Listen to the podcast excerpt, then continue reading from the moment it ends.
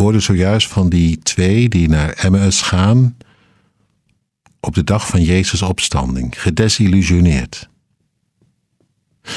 Ze weten niet meer wat ze ervan denken moeten. Nou ja, nog anders gezegd, ze hebben er gewoon een streep doorgehaald door dat hele idee dat er in Jezus iets nieuws beginnen zou.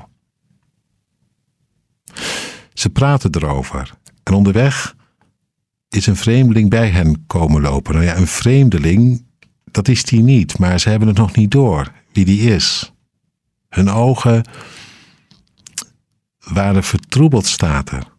Door tranen of gewoon, ja, dat heb je wel eens. Dat je het niet in de gaten hebt. Dat God voorbij komt.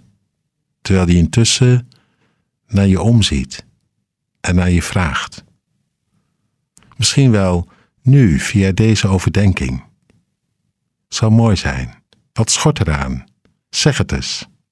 Nou, nadat ze hun hart hebben gelucht, we hoorden er zojuist iets van, antwoordt hij. Toen zei hij tegen hen: Hebben jullie dan zo weinig verstand, zijn jullie zo traag van begrip dat jullie niet geloven in alles wat de profeten gezegd hebben? Moest de Messias al dat lijden niet ondergaan om zijn glorie binnen te gaan? Daarna verklaarde hij hun wat er in al de schriften over hem stond geschreven en hij begon bij Mozes en de profeten. Hij laat hen weten, er valt meer te zeggen dan wat jullie kunnen bedenken. Misschien is dat een goede om te onthouden. We hebben soms zo onze ideeën over God en over Jezus en hoe het dan moet gaan en wat hij moet doen en wat je dan kunt verwachten. En als dat dan niet klopt en niet uitkomt, dan zijn wij er klaar mee. Maar als hij voorbij komt, dan vertelt hij altijd het eerlijke verhaal. En dat is net een beetje anders dan wat wij er vaak van maken. Je hoort het hier.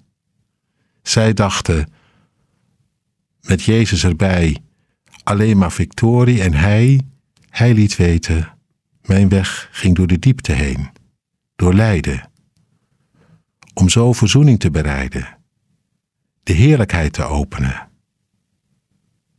Je vergis je niet in mij, al, gaat het, al ging het anders dan jullie konden dromen. Er begint iets te dagen, hoor maar.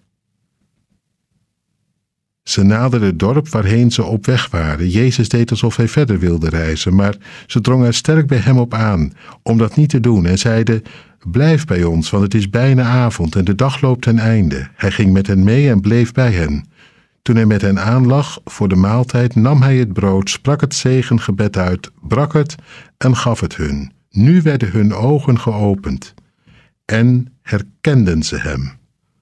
Maar hij werd ontrokken aan hun blik prachtige gewaarwording. Ineens heb je het door. Dringt het tot je door. Daar waar jij niet meer wist hoe je bij hem moest komen, dat hij bij jou voorbij komt en je hem ziet en hoort op zo'n manier dat de twijfel doorbroken wordt, dat je het weer weet. Hij is het, hij is het zelf. Nee, je kunt hem niet vasthouden.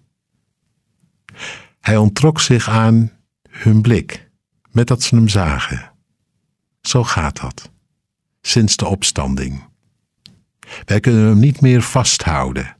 Intussen houdt hij ons wel vast, zo waar hij leeft.